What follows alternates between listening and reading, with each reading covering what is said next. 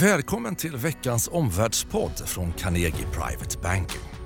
Det är dagen före midsommarafton, det är den 20 juni. Klockan är 10.30. Vi befinner oss mitt i Stockholms finansdistrikt. Vi har fått eh, två stycken duvaktiga centralbanksbesked den här veckan. ECB i tisdags och Fed i onsdags. Som tillsammans med Trumps avisering av ett möte med president Xi vid G20-mötet nästa vecka nu lyfter börserna uppåt. Noterbart från igår kväll, pressmötet med Fed. Fed tar rollen som en global centralbank, hänvisar till risker i global handel och global tillväxt. Både ECB och Fed är beredda och agera för att göra mer för att hålla uppe expansionen i ekonomin. Så det låga ränteläget lär bestå. Marknaden räknar med en Fed-sänkning redan i juli. Här gästas vi av Jonny Torssell som är vår tekniska börsanalytiker på, börsanalytiker på Carnegie Private Banking. Han kommer ge sin bedömning av vilka sommarmånader som väntar på Stockholmsbörsen. Dessutom uppdatering med svar på frågor som investerare ställer om utsikterna för dels handelsavtalet USA-Kina och dels en bedömning av riskerna för en eskalerad konflikt i Mellanöstern. Välkommen till Omvärldspodden. Jonny, mycket välkommen. Du är ju uppskattad här i huset för eh, nästan alltid tydliga bedömningar. Eh, idag var du något motvillig att ta dig till studion faktiskt, att medverka, just för att du ser marknadsläget just nu som rätt svårbedömt. Du får utveckla det här. Vad är din bild av statusen på Stockholmsbörsen just nu? Eh, status på Stockholmsbörsen det är, eh, vi har haft ungefär likna, liknande läge nu i fyra års tid. Vi har befunnit oss, sedan, fem, sedan eh, april 2015 så har vi noterats i en konsolidering. Det vill säga drygt fyra års tid mm. så har börsen gått sidlänges. Det toppade på 17,20 eh, i april och sedan dess har vi inte gjort några högre toppar. Eh, och marknaden har präglats av stora kast upp och ner. Ta, under de senaste 14 månaderna, sedan i april förra året, så har slagen på Stockholmsbörsen, om man tittar på de stora rörelserna upp och ner, så mäter de ungefär 84 procent. Mm på, på 14 månader. Det är enorma rörelser. Mm. Och de här äh, rörelserna är en konsekvens av placerarna nu är osäkra. Vi befinner oss kort sagt i en stor konsolidering mm. och äh, det är svårtytt.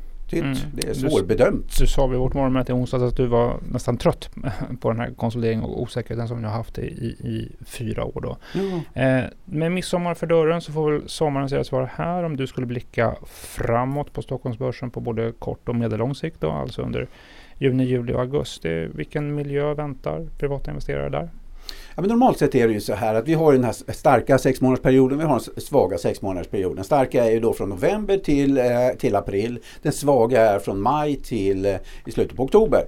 Eh, men i den svaga perioden så har vi ändå perioder som det normalt sett kan vara lite starkare och det är vi just nu. Normalt sett har en tendens att vara hyfsat bra i alla fall fram till slutet på juli, början på augusti och sen brukar det bli, bli svagare under hösten.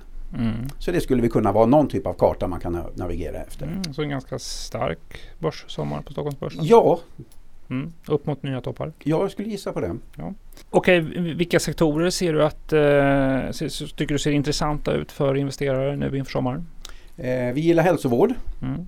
Eh, jag gillar den därför att den har sett eh, tekniskt eh, väldigt stark ut. Men sen gillar vi den även ur ett fundamentalt perspektiv. Verkar vara bra tillväxt i den sektorn. Hälsovården, mer? telekom. Mm. fastighetsbolagen. Fastighetsbolagen har gått starkt. De har, de har gått urstarkt verkligen och kortsiktigt kanske man ska vara lite, är jag i alla fall lite försiktig med dem. Men det är en sektor som är, har varit, den har lett eh, uppgången helt enkelt. Mm.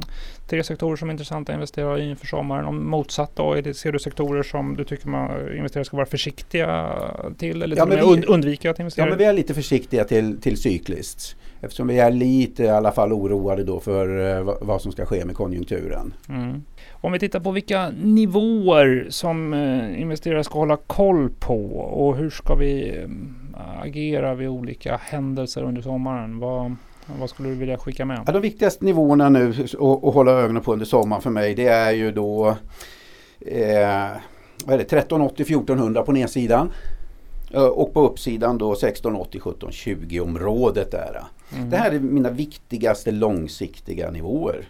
Du sa 1380 14.00 på den sidan. Ja, och? Så och punkteras den nivån då får vi en säljsignal som indikerar en nedgång någonstans ner mot 1250 området. Passeras däremot 1720 området mm. eh, då får vi nästa indikation då på en ny fas av optimism. Just det. Du arbetar ju alltid med olika tidsperspektiv på dina bedömningar. Det korta perspektivet är oftast då vecka till vecka. Det medellånga är månader till månader och det långa perspektivet är ja, år då i detta. Om vi skulle dra ut sikten, sikten idag eh, över den något längre linjen. Vad är, vad är din bedömning av Stockholmsbörsen på sikt? Ja, då kommer vi tillbaka till den här konsolideringen, här, fyra år långa eh, eh konsolideringen. Och den kan bli väldigt intressant. Ors Orsaken till att konsolideringar är intressanta det är att de kan leda till kraftiga rörelser. Varför kan det leda till kraftiga rörelser? Jo, därför att det kan uppstå någonting som man brukar kalla double pressure. Eh, det vill säga en, en, ett tillstånd där både optimister och pessimister går in och köper. Mm. Men de går in och köper av olika anledningar. Optimisterna går in och köper därför att de är positiva, de tror på det här. Pessimisterna går in och köper därför att de är tvungna. De köper tillbaka sina blankningspositioner. Det vill säga två, båda grupperna köper men av olika anledningar. Så det är därför det kan bli sådana kraftiga rörelser ur den här typen av konsolideringar. Så därför blir det spännande att hålla ögonen på till exempel då 1720 på uppsidan, mm. eh, 1380 1400 då på nedsidan. Om jag får pressa dig, var tror du vi ser nästa kraftiga rörelse då? Är det uppåt eller neråt? Ja, jag vet inte. Det, man måste vara ödmjuk i den här marknaden. Mm. Eh, det kan lika gärna fortsätta konsolidera i ett år till. Jag har ingen aning. Mm. Eh, så det är därför marknaden nu får leda, leda vägen. Skulle jag gissa så tror jag att vi får utbrottet på uppsidan. Mm.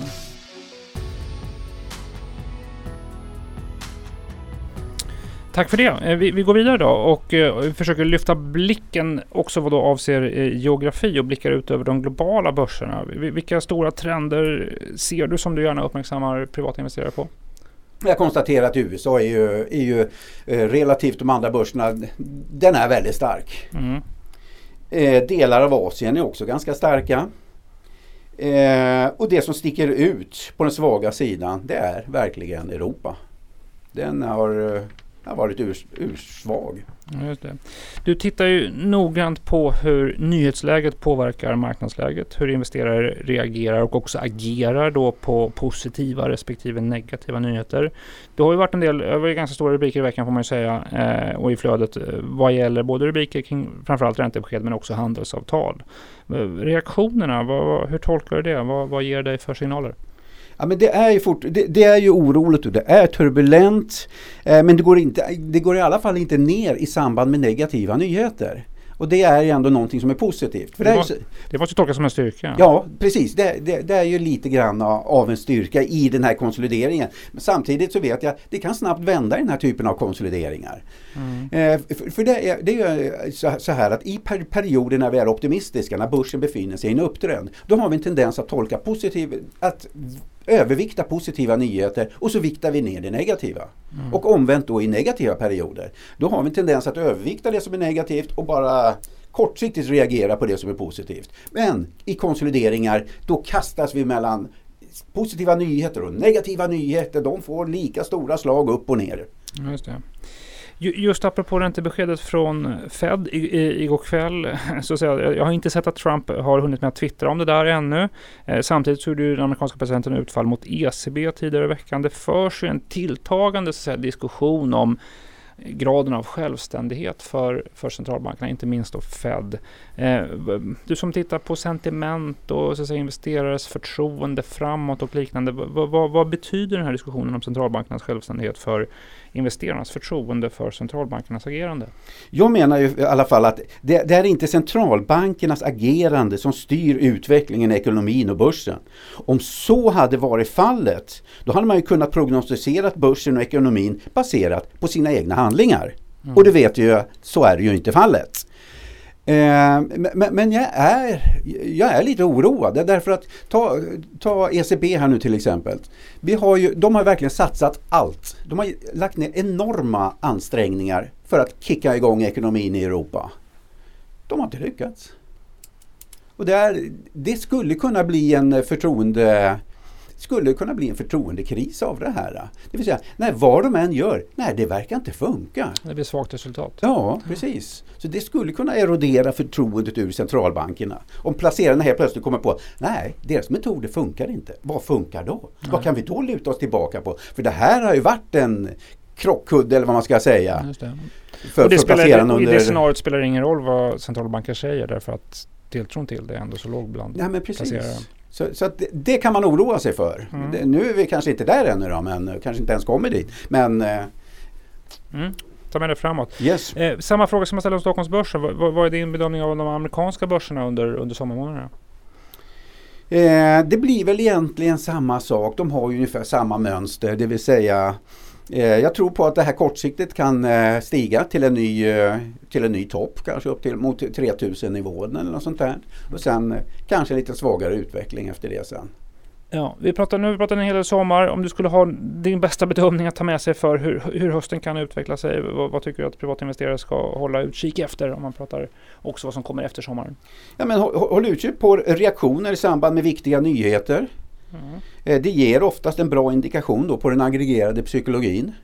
Börjar vi helt plötsligt få starka positiva reaktioner på positiva nyheter, kanske tillsammans med utbrott uppåt ur viktiga eh, konsolideringar, Eh, blir en sån sak som jag håller ögonen på. Och även det omvända naturligtvis. Får vi positiva nyheter men vi får ingen positiv reaktion. Då är det en indikation då på en svag marknad. Mm. Så att det är vad du kommer titta på. Det kommer jag att titta på. Ja, spännande. Tack så mycket för din medverkan här i, i Omvärldspodden. Mm, tack.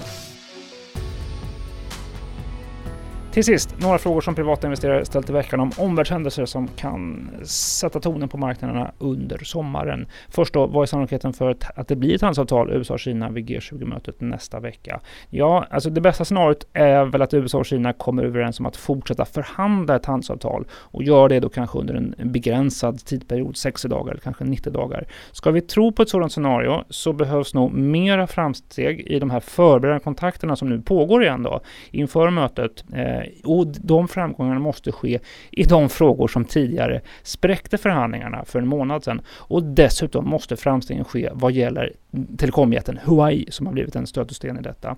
Nyckelfrågan, Key Watch eh, är här är ju om Trump och Xi vill ha ett avtal så pass mycket, eller vill, ha, vill fortsätta förhandla ett avtal så pass mycket, att de är beredda eh, att backa något och därmed ta risken att få inrikespolitiskt stryk av det här. Trump från demokrater och republikaner för att vara för mjuk mot Kina och Xi eh, från Kina för att böja sig för amerikanska krav i detta. Det är väl en 55-procentig sannolikhet för en överenskommelse på G20-mötet om att fortsätta förhandla. Men se upp för Hawaii-frågan, den kan stå i vägen för en överenskommelse. Den andra frågan som har kommit upp i veckan är hur oroliga ska privata investerare vara för ökade spänningar i Mellanöstern? Jag har pratat med geopolitiska bedömare i London som följer utvecklingen i regionen ordentligt. Ehm, det är uppenbart så att de politiska och militära spänningarna har eskalerat under maj och juni mellan USA och Iran. Det är totalt sex stycken tankers som har attackerats nu. Ehm, bedömare jag talar med pekar mot en period med fortsatta spänningar under en överblickbar sex. Spänningarna kan till och med komma att öka under sommaren när det dels blir fler amerikanska trupper i regionen, dels amerikanska sanktioner, ah, sanktioner börjar pressa den iranska ekonomin och dessutom förväntningar då om att Iran nu börjar delvis bryta mot kärnenergiavtalet som USA har lämnat och därmed delvis satts eh, ur ur spel. En militär konflikt bedöms inte som eh, sannolikt. Det finns mm, Ja, dels vill Trump inte ha det. det eh, dels är det för stora risker för Iran för det där. Eh, det blir en risk att det destabiliserar landet och kan äventyra regiminnehavet. Samtidigt utgår från en period på ett halvår då kanske med fortsatta spänningar som kan pressa oljepriset. Skulle det bli en begränsad militär eh, konflikt så bedöms det pressa oljepriset så pass mycket som upp mot eh, 100 dollar fatet. Sannolikheten för en militär konflikt är inte ett huvudscenario, men ligger ändå kring 30 procent. Rätt högt, kanske högre än vad marknaden tror. Med det här får vi önska våra lyssnare en riktigt glad midsommar. Eh, ni som är kunder på Carnegie Private Banking får idag det alldeles färska numret av vårt kundmagasin Insikt med ett stort porträtt av Katarina Martinsson som ju är nästa generation i eh, Lundberg-imperiet. Dessutom längre läsning om makromarknader och eh, massa investeringsmöjligheter framåt. Så missa inte det. Eh, Omvärldspodden hör du nästa torsdag. Välkommen att lyssna då. Tack för att du har lyssnat på Omvärldspodden från Carnegie Private Banking. Vill du veta mer om vad som händer i vår omvärld och få aktuella idéer till affärer? Gå då in på www.carnegie.se veckans viktigaste och prenumerera på vårt nyhetsbrev.